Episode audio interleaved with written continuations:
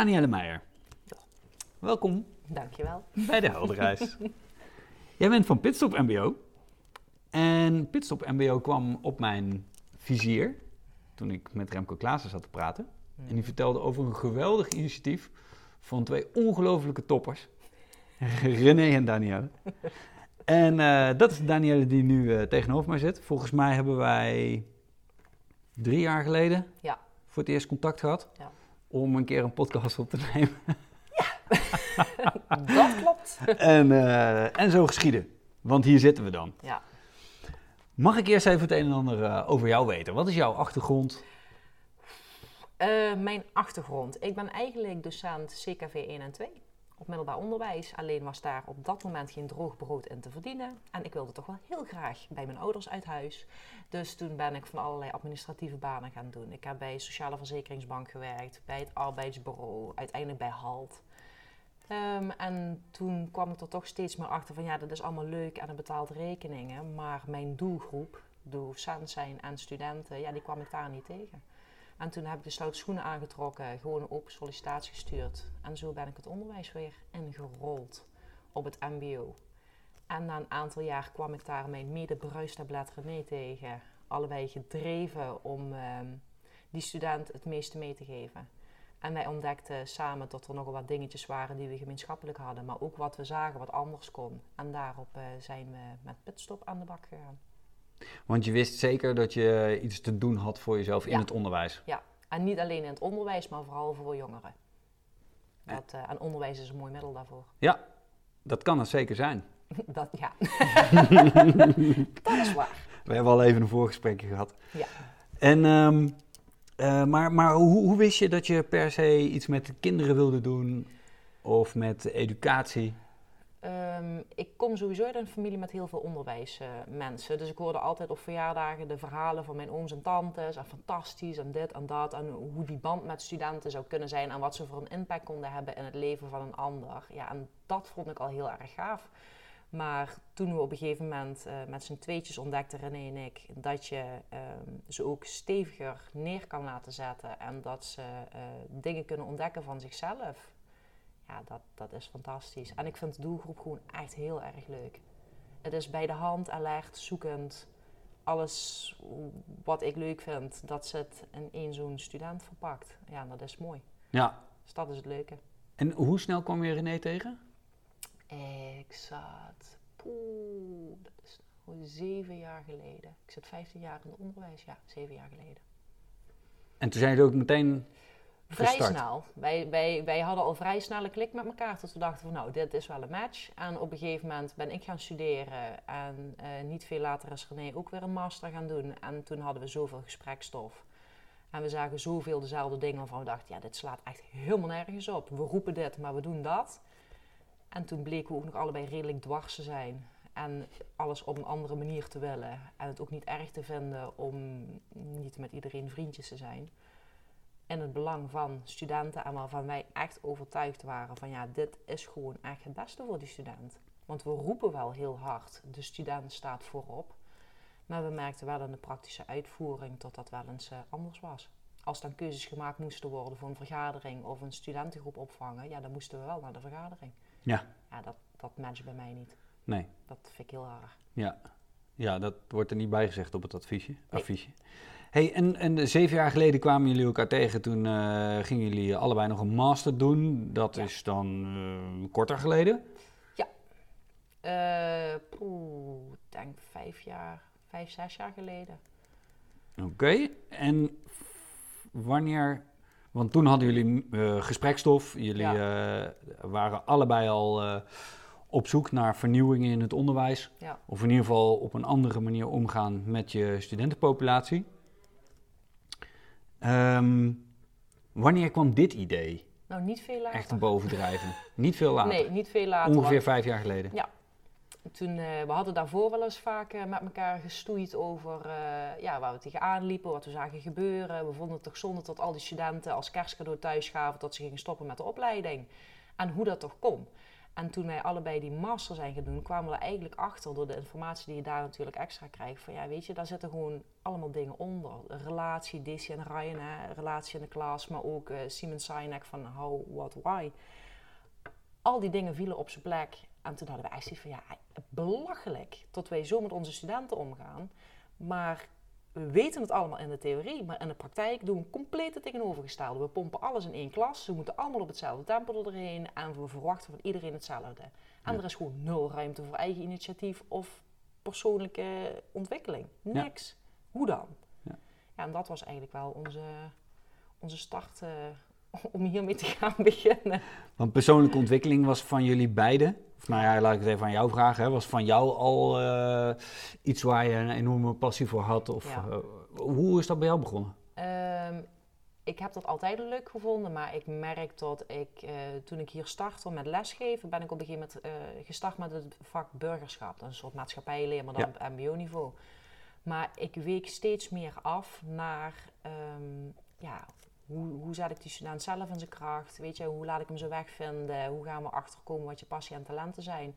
Toen is er op een gegeven moment in onderwijsland het hele LOB-project gaan lopen, loopbaanoriëntatie ja. en begeleiding.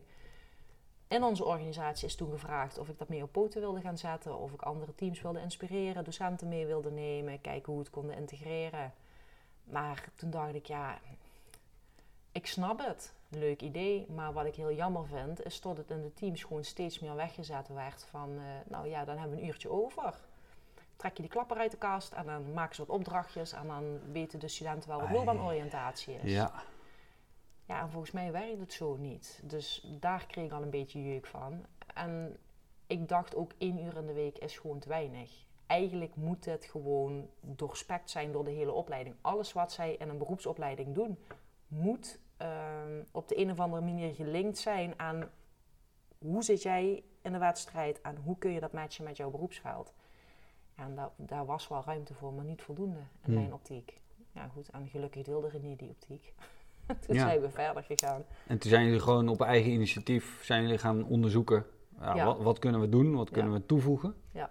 ja toen zijn we ook uh, op een gegeven moment in een brainstorm sessie met elkaar. Toen zei René van, ja weet je, we kunnen wel eens uh, aan Remco vragen. Want die roept iedere keer in zijn seminars van, uh, ja waarom leren mensen dit niet op de middelbare school? Ik wilde best wel leren. En ik wilde best wel mee ontwikkelen. Want ik denk dat de studenten daar heel veel aan gaan hebben. En dan kijken mensen je aan en die zeggen dan van, ja maar ja, is mbo en pff, is wel wat nou aan management wordt gegeven dat gaat niet lukken. En toen dachten wij, ja, echt serieus, challenge accepted, we gaan ervoor. dat kan prima. Dus, dus, dus dat is waar je dan wel een beetje tegen bokst. Maar ja, goed, eh, met Remco gepraat, uh, hoe wij dat zagen en wat voor een format we dat wilden gieten. En we hadden een uh, hele fijne directeur destijds, Mick Wolters, die zit nu bij de MBO-raad. En die had zoiets van, nou weet je wat, ga er maar voor. En gaan we eens kijken of dit werkt en of dit goed is. Wat gaaf. Ja. Heel fijn om, uh, om iemand uit die laag ook, uh, ja. ook in je hoek te hebben. Ja, we hadden hem wel een beetje gestalkt, moet ik eerlijk zeggen. maar het is gelukt. Het is gelukt, ja. Hey, en uh, was het zo dat René, die, die, die kende Remco al? Of ja. Waar gewoon... Die, die heeft uh, trainingen bij hem gevolgd en die kenden elkaar. Ja, die wonen allemaal in Brabant, dus volgens mij kent iedereen elkaar daar. Dus uh, vanuit, die, vanuit die context was dat uh, vrij makkelijk schakelen. En uh, ja, vooral tot Remco iets af. En ik ben al zo vaak aan het proberen om onderwijsland in te komen. Maar ik loop iedere keer tegen een of andere muur aan te denken, ja, hoe dan? Nou, ik ga het nog één keer proberen. Ga maar kijk maar hoe we dit gaan doen. Ja, dat hebben wij ons geen twee keer laten zeggen. Toen was echt uh, alle remmen los en, uh, ja. rammelen. Want, want hoe, uh, hoe start je zoiets? Want ja. dat lijkt me een enorme opdracht voor jezelf. Ja. Of voor jullie twee. Ja, eigenlijk zijn we heel eenvoudig begonnen met precies dat wat Remco ook doet in zijn 3,5-daagse. We gaan gewoon kijken wat zijn onze kernwaarden. Waar staan we voor? Wat vinden we belangrijk? Wat willen we bereiken? En dat giet je in een uh, mission statement. En van daaruit komen je doelen. En daarna ga je het praktisch inrichten. Want je kan wel heel mooi roepen van ja, we willen persoonlijk leiderschap en ontwikkeling. Ja, oké, maar ja, dat ga je geen uh, 30 uur in de week doen. Nee. Hoe ga je dat verder faciliteren? Want je zit toch in een schoolse setting. Dus daarop hebben we weer wel gebouwd en uh, gekeken van hoe kunnen we dat zo mooi mogelijk vormgeven. Ja. Dus dat was wel, ja, was toch wel even puzzelen. een interessante uitdaging. Want een aantal opdrachten neem ik aan. Uh, kijk, Remco doet ook veel met praktische opdrachten. Mensen aan het werk zetten. jullie zullen dat nou ja, misschien wel factor 100 hebben moeten doen voor, een, voor een klassikale situatie. Ik zie hier ook al mooie opdrachten aan de muur hangen. Um, je start, hoe lang ben je dan met zoiets bezig om dat te ontwikkelen? Lang. Om, om dat klaar te krijgen voor, nou, voor een jaar, inderdaad. Ja, heel lang. Het eerste jaar was echt dat ze dachten, oh, dat was iedere dag werken en daarna echt tot s'avonds laat schrijven. Alle weekenden, alle vakanties. Wow. Ja. Alles na werktijd. En dat heeft heel veel uren gekost. Ja omdat je gewoon, er moet een logische volgorde in zetten. Het moet voor die studenten beklijven zijn. En het moet ook ehm, als een soort rode draad er doorheen lopen. Dus als je het ene behandelt, moet het volgende stukje daar weer bij pakken. En je moet het ook weer herhalen. Want je kan niet roepen van ja, ben je proactief? En die staan zo, eh, weet niet, mm. denk het, geen idee. Maar dan moet je echt een aantal keren terug laten komen, zodat ze ook ervaren hoe dat nou werkt. En wij doen net zoals Remco Experience First, Label Later. Dus we gaan ze eerst laten ervaren met hele eenvoudige opdrachten. Ik ben dus niet zo proactief en er komt niet zoveel en er gebeurt eigenlijk helemaal niks als ik niks doe. En daarna ga je daar de theorie aan hangen. En die ga je dan ook nog een paar keer terug laten komen van ja, kijk, je roept van alles, maar dat zijn de voorwaarden, dat doe je dus niet. Ja. ja en dan ben je dus, dan, dan kom je binnen, dan, dan sna je het. Ja. Dat is de beste manier. Interessant. Ja. En daar, daar uh, tot in hoeverre hebben jullie uh, Seven Habits daarbij uh, gebruikt als handboek? Redelijk. Best wel aardig. ja, oké. Okay. Ja. ja. En um, ik weet niet of dit de juiste vraag op het juiste moment is, maar daardoor, ik raak daardoor meteen getriggerd. Ja, ja, nee. Um, welke andere literatuur hebben jullie daarbij gebruikt? nou, ik denk dat we vooral um, veel literatuur vanuit onze masteropleiding uh, gebruikt hebben. Dingen die je tegenkwam. Ik vind bijvoorbeeld Signale Jolles vind fantastisch. Ja. Dat vind ik, ik, alles wat met brein te maken heeft, aan prikkels en hoe dat allemaal werkt, ja, daar ga ik helemaal los op. Um, uh, Simon Sinek, Daisy en Ryan, dat zijn echt wel dingetjes die zijn zowel bij René als bij mij heel erg blijven hangen omdat dat gewoon ook echte dingen zijn die ingaan op hoe relatie werkt. En dat je niet alleen moet zeggen, ja, dit is wat je moet doen en nou, ga ervoor. Maar ook intrinsieke motivatie moet hebben. Ja. Dus, dus daar, daar zit een hele hoop. En daar hebben we, ik heb zoveel boeken daarover moeten lezen, ook tijdens die opleiding. En René idem dito.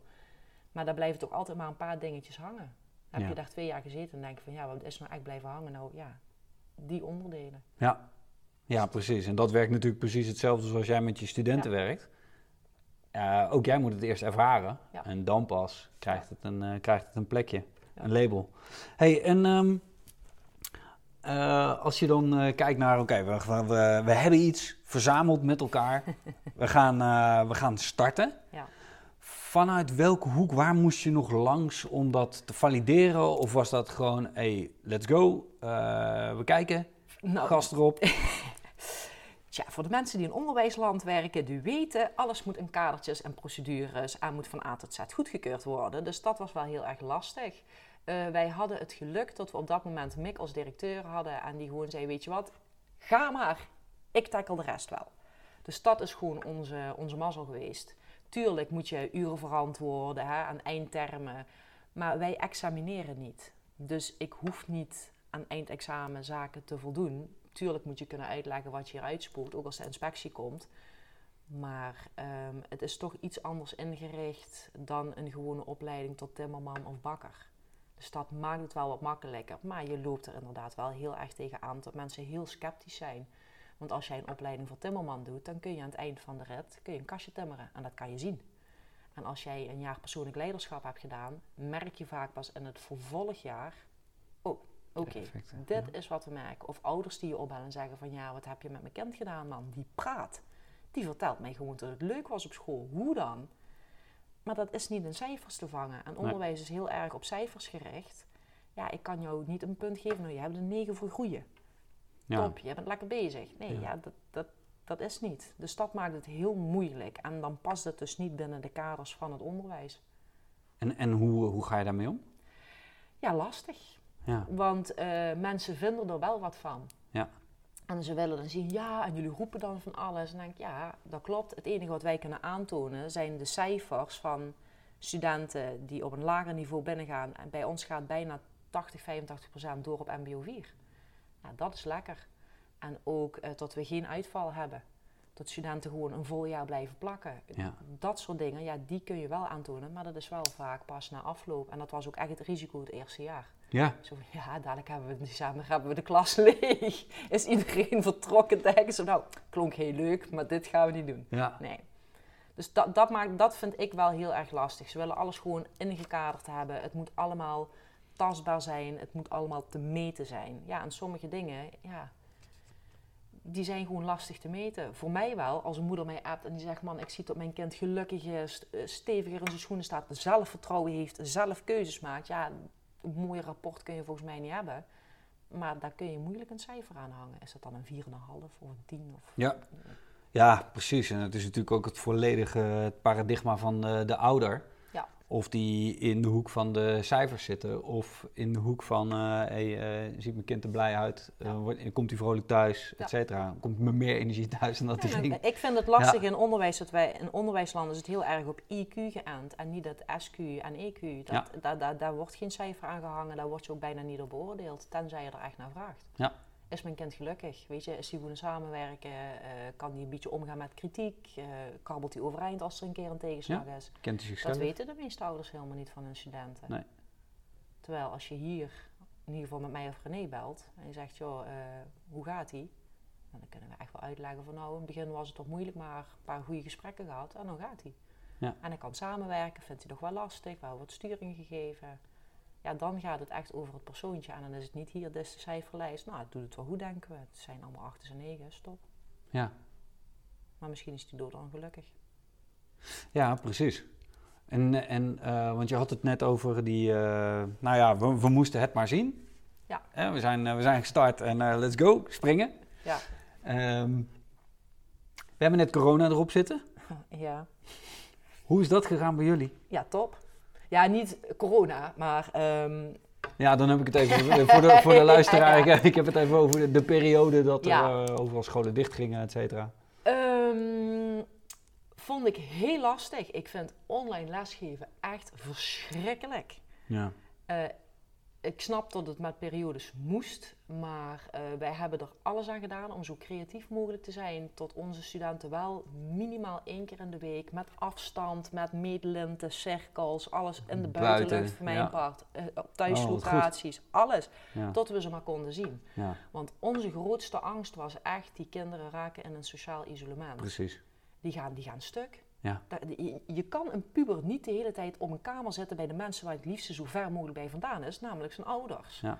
En dan zit je dan 24 uur per dag mee naar huis. Ja, dat is toch gewoon verschrikkelijk? Ja. En ze zitten ook in een leeftijd dat ze alles van hun klasgenoten moeten leren en leeftijdsgenoten. Ouders zijn gewoon alles behalve top. Ja, en dan mis je je leeftijdsgenootjes. Ja. Wat wel heel fijn was, en dat is echt iets wat we in de praktijk hebben ervaren, is uh, we zijn geen, geen leerling kwijtgeraakt. Niemand. Oh, wauw. We wisten van alle studenten waar ze waren. Als ze niet online waren, nou, dan wisten we dat ze ziek waren of dat ze wat anders hadden. We hadden echt wel vijf dagen in de week een programma, maar ook heel veel dingen gewoon naar huis gestuurd. Weet je, dit is een pakketje, ga daar lekker mee in de bak, maak een vlogje ervan. Kijk maar wat je doet. Ja. Maar in eigen tempo, maar vooral ook in contact met In elkaar contact, brengen. ja. En die online lestijd ook echt gebruiken om even te praten met elkaar van hoe gaat het nou? Terwijl we bij andere collega's echt hoorden van ja man, we zijn gewoon drie studenten kwijt. We krijgen gewoon geen contact meer. Klopt. Geen idee. Daarom vroeg ik me dat af. Ja, nee, hebben wij helemaal niet gehad. Nou ja, daar heb je natuurlijk ook een deel meteen van je validatie voor je Ja. opleiding. Hè? Ja. Want eh, dit is iets waar ik enorm van ben geschrokken. Zowel op HBO als op Ja. MBO. Hoe verschrikkelijk veel studenten er eh, van de radar zijn verdwenen gedurende die eh, tijd. Ja, dat ik, ik, ik, Ongelooflijk. Ik heb me daar heel vaak heel boos over gemaakt. Weet je, wel. dan gingen ze weer middelbare scholen sluiten. En ik heb iedere keer gedacht, en dan wordt dat helaas ook bevestigd. Je hebt geen idee wat je die kinderen aandoet. Nee. Die zitten in de belangrijkste socialisatieperiode van hun leven, de puberteit. Dan moet je grenzen opzoeken, dan moet je elkaar aanspreken. Dan moet je zien van, oh, die is drie uur s'nachts thuisgekomen. Ja, dat is niet handig. Nee, dat is niet handig. En dat ontnemen ze gewoon. Dus je legt die hele sociale ontwikkeling van die puber leg je lam. Ja, ik, ik, snap het, ik snap het echt oprecht niet. En ik denk dat het niet. Ja, goed. Ik vind het lastig om in te schatten of het opweegt tegen wat het voorkomen heeft.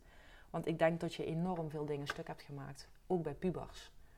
En dat vind ik wel heel moeilijk. En we merken het ook in de klas, de eerste periode. Ja, ze, ze vinden het al spannend om bij elkaar te zitten. Om weer sociale interactie aan te gaan. eh, het weer in de structuur komen van iedere dag naar school. Veel informatie tot je krijgen.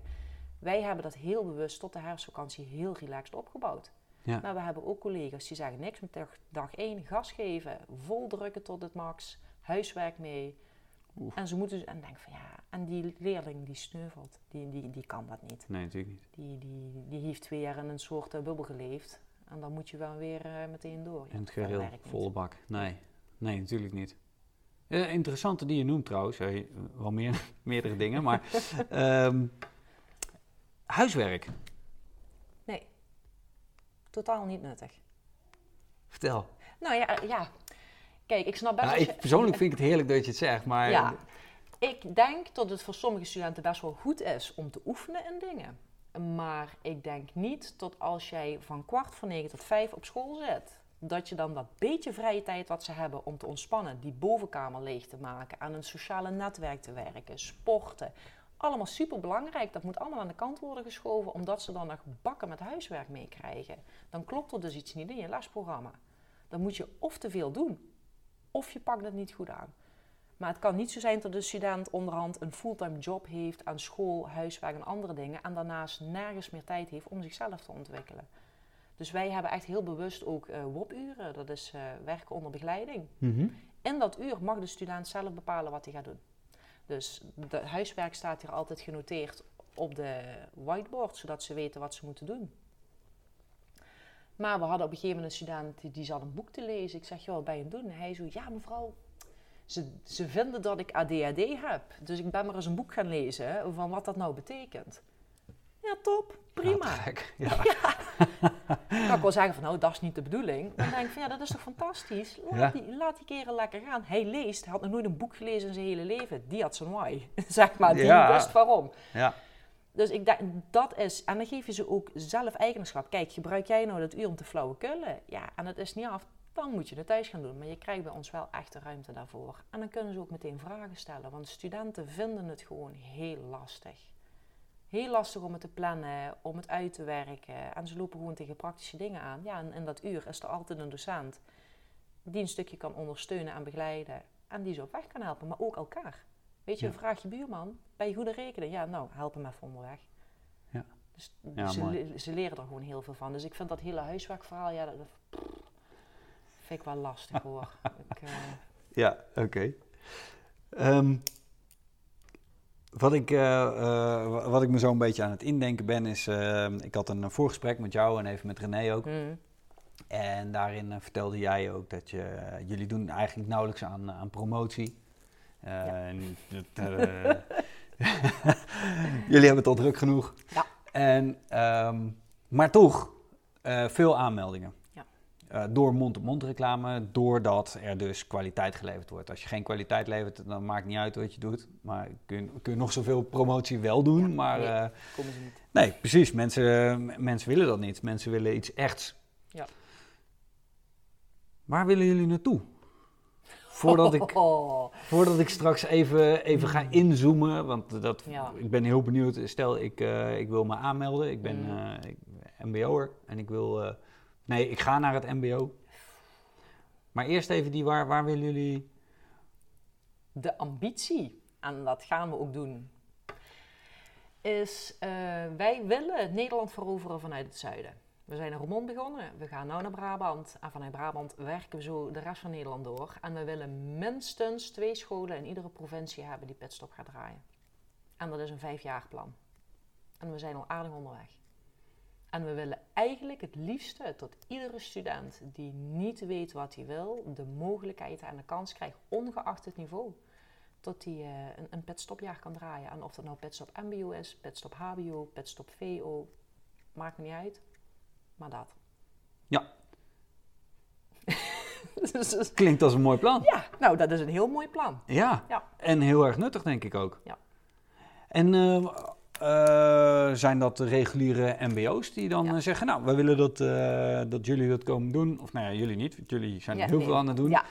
Dus dan, dan zijn er dan mensen vanuit jullie? Of zijn dat mensen van die school zelf, van het MBO zelf, die een training volgen? Hoe werkt dat?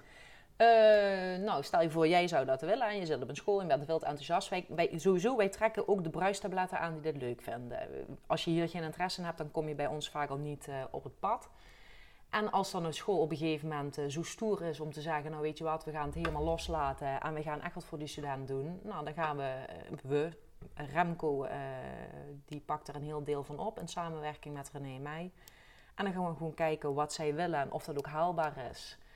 Dan wordt er gesproken over hoe we het gaan inrichten, voor welke termijn. En of zij al mensen hebben die daarvoor voor eh, ja, die geschikt zijn om dat te kunnen doen. Want je moet wel een beetje een bepaald ja, kaliber, wil ik niet zeggen, maar ehm, je moet wel in een bepaald hout gesneden zijn, zeg maar.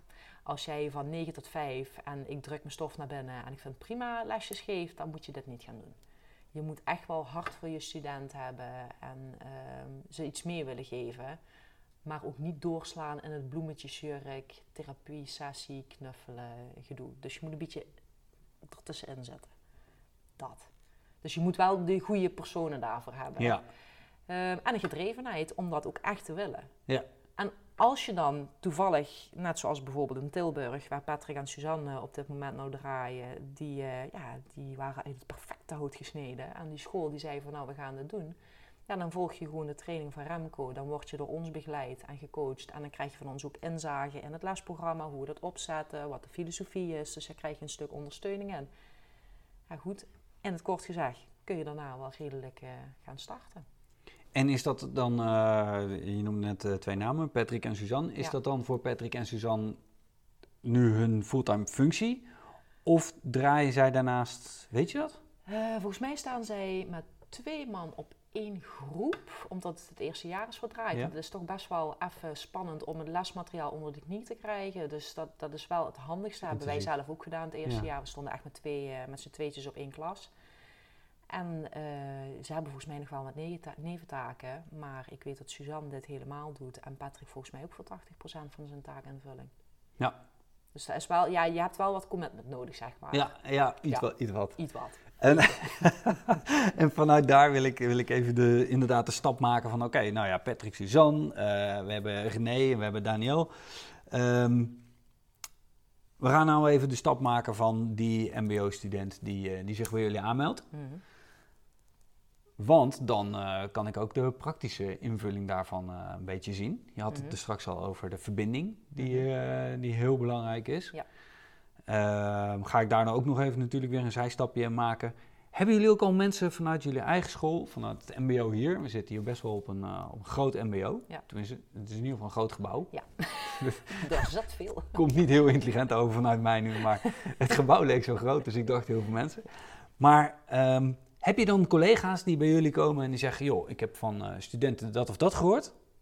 Of noem je het studenten of deelnemers? Of wat, eh, gewoon studenten toch? Ja.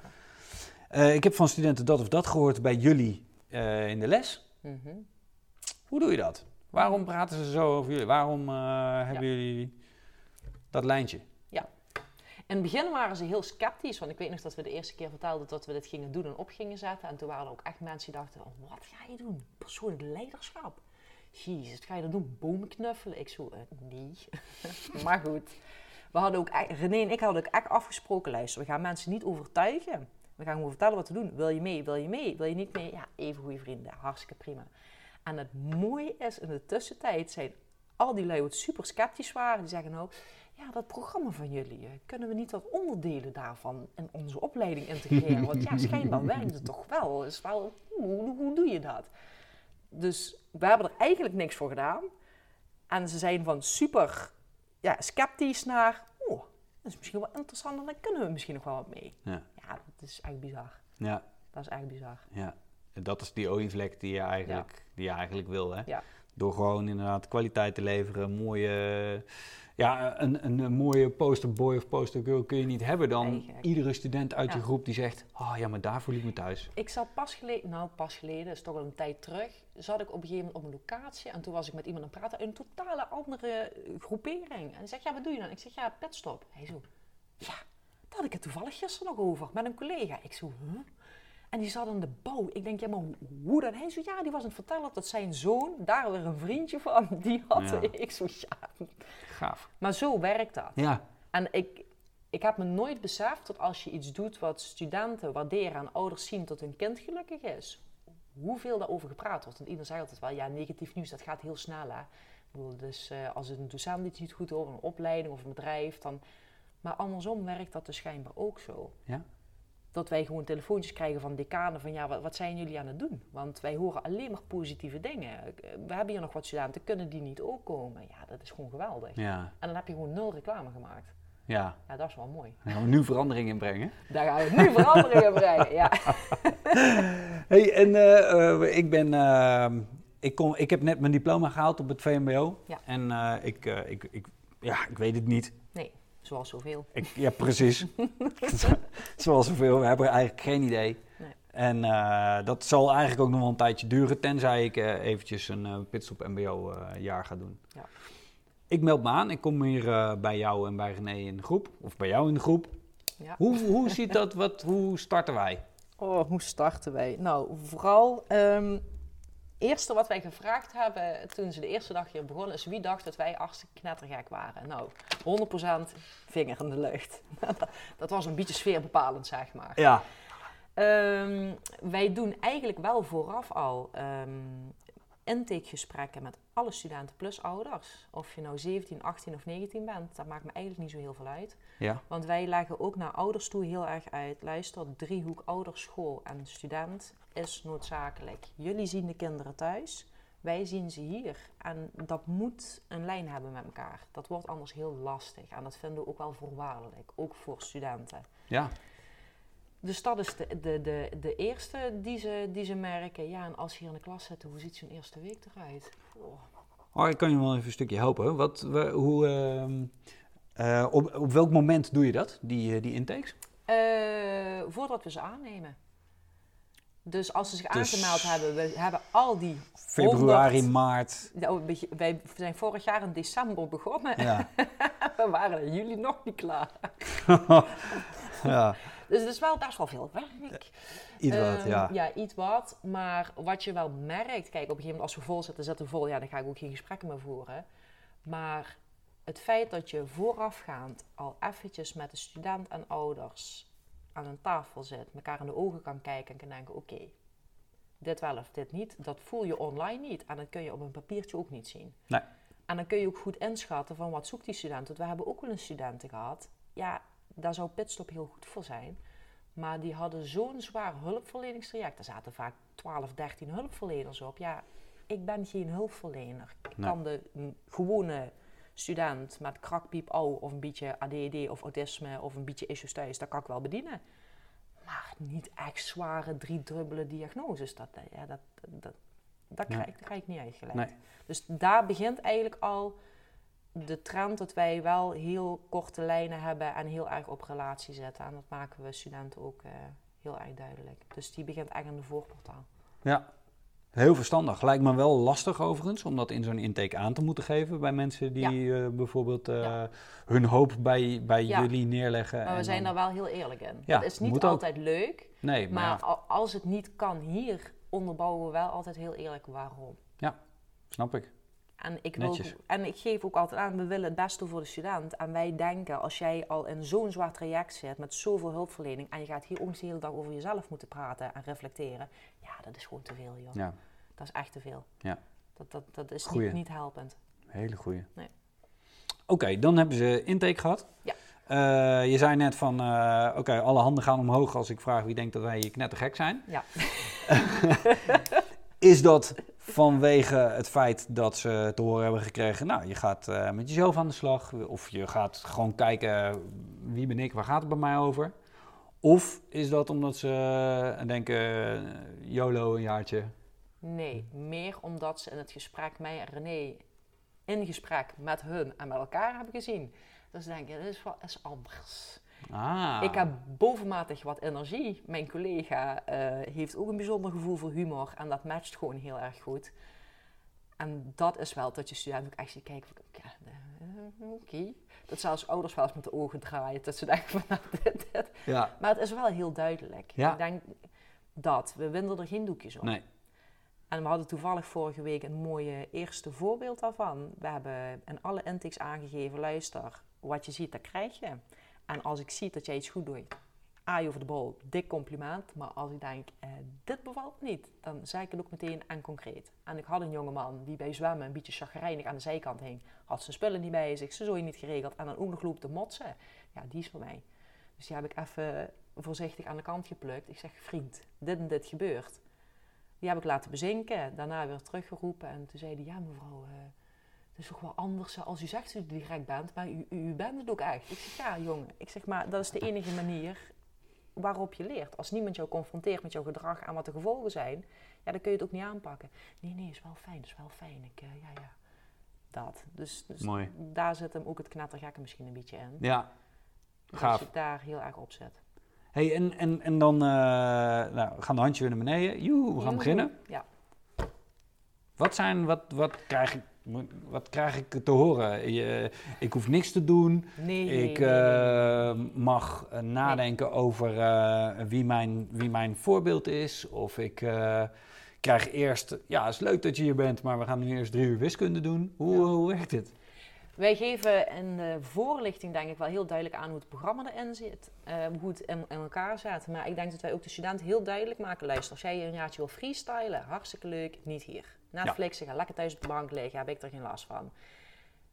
Roep je dan heel hard, nee, nee, dat wil ik niet. Maar laat je dat niet zien. Ja, dan bonjour ik je toch heel snel naar een andere opleiding of naar de deur of naar de leerplicht. Want daar, ja, dan zit je hier gewoon echt niet goed. En Ja. dat communiceren ook gewoon heel duidelijk met ouders.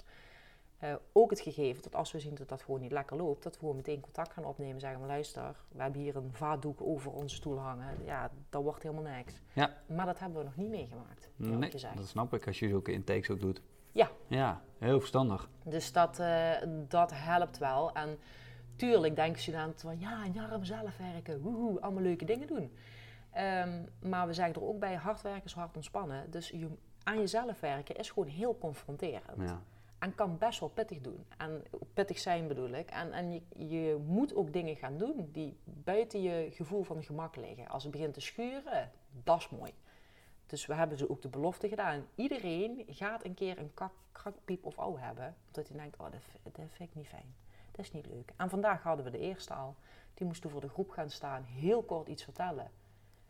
Maar iedereen is gegaan. En iedereen vertelt zijn ding. En de ene doet dat vol overgave. En de andere wil het liefst verdwijnen in een zwart gat voor zich. Maar ze gaan wel allemaal. Wauw. Dus dat is, dat is gewoon heel tof. Ja. Ja.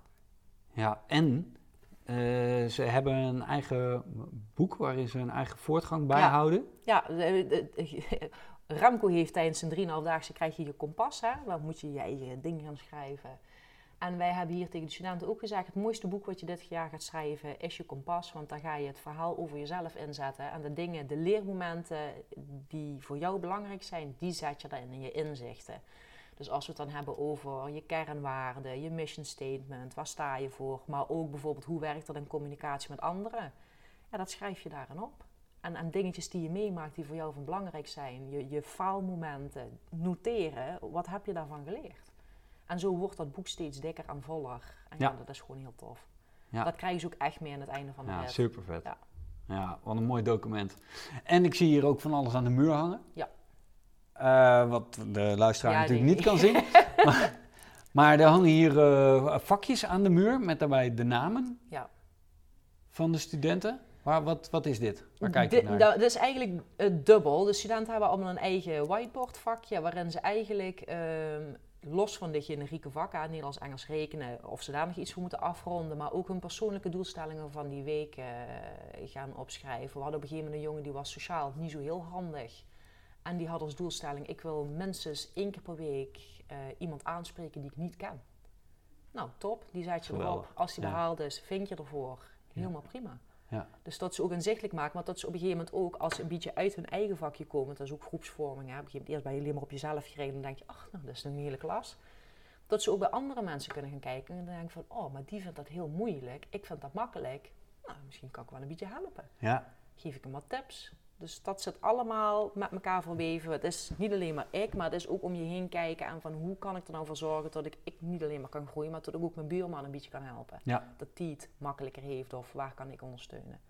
Beetje samen. En, en dat eh, sturen jullie zo? Of zie Ja. je dat dat, dat, dat langzaam gebeurt- van ik naar wij, dat groepsproces? Dat proces dat groeit, dat is ook een natuurlijk proces. Hè? Dat, dat, Zo'n groep die begint eerst met eh, ik moet me overeind houden en is het wel veilig? Nou, onze eerste lesperiode is echt heel erg gericht op het creëren van veiligheid in de groep.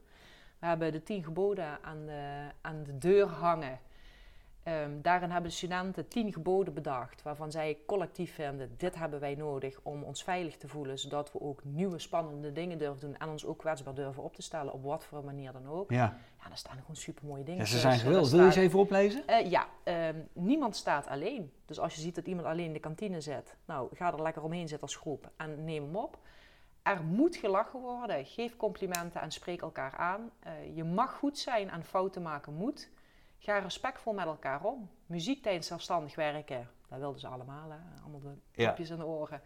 Eh, vraag uitleg totdat je het snapt. Mhm. Als dat 100 keer is, dan is dat 100 keer. En als het 500 keer is, is dat 500 keer. Help elkaar. Geen grof taalgebruik. En toon interesse in elkaar en ben meelevend. Ja, ik had het niet mooier kunnen bedenken. Ik ga heel eerlijk met je zijn. Ik had echt kippenvel. Ik zo, Dit is "Ah, geweldig, ja. is fantastisch. Ja. Maar het is ook ieder jaar anders. ja. Snap je? Dus ik- Nou ja, ik wist dus niet dat het van de studenten zelf Ja, was. nee, want ik kwam hier binnen en ik zat daar niks naar te kijken. Ik denk, oh, wat mooi zeg. nee. En dat is dus gewoon door de groepen zelf Ja. aan het begin van het jaar bedacht. Ja, op Terwijl de ze- tweede schooldag. En ze kenden elkaar dus nauwelijks. Nee. En dan, weet je wel, het was een beetje trechteren wat er collectief uitkomt. Maar ja, ze moeten ook allemaal zeggen dat ze daarmee eens zijn. Ja, iedereen akkoord, allemaal handjes in de lucht. Nou, top, dan gaan we dit doen. Geweldig. Maar dan maakt het ook makkelijker om aan te spreken. Want mijn collega zei bijvoorbeeld eh, kloten. En iedereen zo, meneer, geen grof taalgebruik. Ik zo, ja, top dit. Dus dan hebben ze ook iets Ja. om elkaar aan te spreken. Ja. En dan is het, zijn ze bewuster bezig met hun gedrag. Want ik ben in de kantine geweest vandaag. En ze zitten allemaal aan één tafel. Ja, geweldig. Er zit niemand alleen. Gaaf. Dus ze letten ook al een beetje op elkaar. Stiekem onbewust plant je dan al het besef van ja, maar dit hebben we afgesproken met elkaar. En Ja. als je het uitspreekt in een groep, voel je toch de commitment om je er een beetje aan te houden. Ja. Als je er alleen maar op papier zet en hier, dit, dit gaan we doen. Maar dit is gewoon echt collectief bedacht. Geweldig. Ja. Nou ja, ik was al enthousiast natuurlijk, dat Ja. wist je. Maar, maar eh, dit lijkt me voor de luisteraar natuurlijk ook, eh, ook mooi om even mee te krijgen. En ik denk ook voor de volledigheid wel dat gedurende zo'n jaar zijn ze niet alleen maar bezig met persoonlijk leiderschap. Ze hebben ook de AVO-vakken. Ik hoorde je net al zwemmen ook noemen. Ja, we, zijn, weet je, eh, René is natuurlijk ook eh, zwemdocent en die heeft van alles in de zwembadwereld gedaan. Ja. We gaan van alles doen, joh. We zijn een dag naar de Ardennen geweest zonder mobiele telefoons. Ja, die lui die waren helemaal van de leg af. Ja, We, we gaan, eh, als het goed is, eh, met Erasmus gaan we een aantal dagen naar het buitenland. Om ze ook eens uit die comfortzone zonder pabbemam, op jezelf aangewezen en ga het maar regelen. Dus we doen ook heel veel andere dingen die het gewoon heel leuk maken.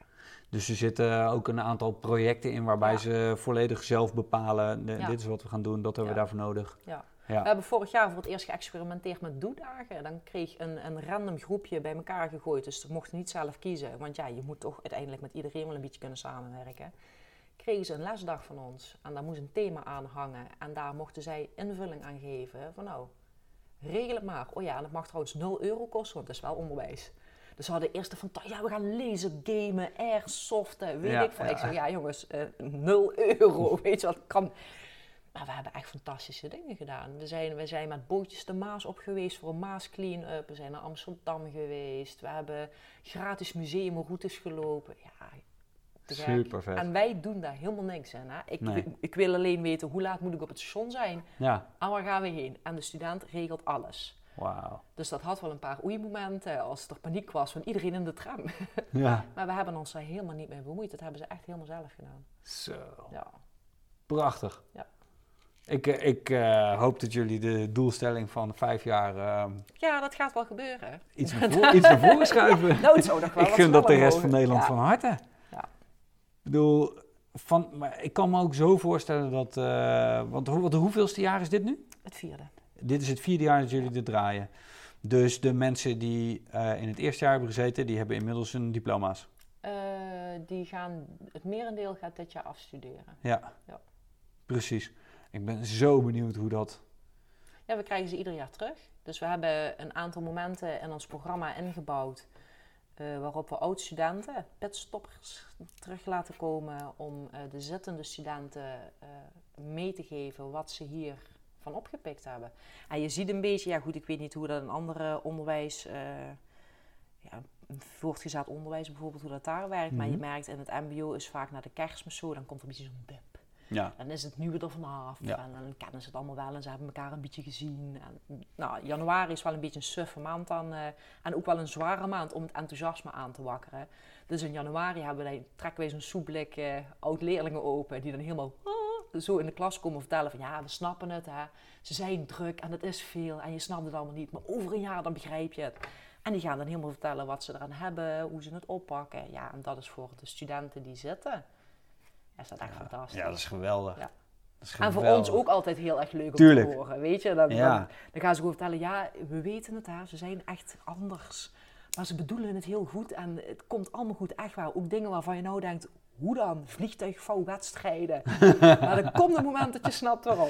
Ja. Dus dat is dan wel weer heel erg leuk. Ja. En, ze, en ze komen allemaal goed op hun pootjes terecht. Dus Ja. dat is wel heel fijn. Nou ja, precies. Dat met zo'n basis, ik kan me voorstellen inderdaad dat er ook vanuit de opleidingen waar deze studenten terechtkomen, eh, dat daar feedback komt vanuit eh, de begeleidende docent die zegt, ho, wat jullie hebben gedaan. Ja. Want we krijgen nou belletjes inderdaad van al die scholen waar die lui op zitten. Zeggen, van, ja, we hebben er eentje in de klas van jullie. Wat, wat, wat is dat? Want die is zo enthousiast. Ja, Dus dat, ja, dat werkt. wat gaaf zeg. Ja. Ik, ik, ik, ik, ik, ik, ik Je ben... wil zelf ook pitstop doen, hè? Ik wil het ook. Ja, heb je nog een plekje in de klas? ja, helaas. ik wil wel. Ik snap het. Nee, dit, dit is echt super mooi. Ik ehm, ben blij dat we, dat we tijd hebben Mhm. kunnen vinden ergens. Ja. En dat we dat hebben gemaakt.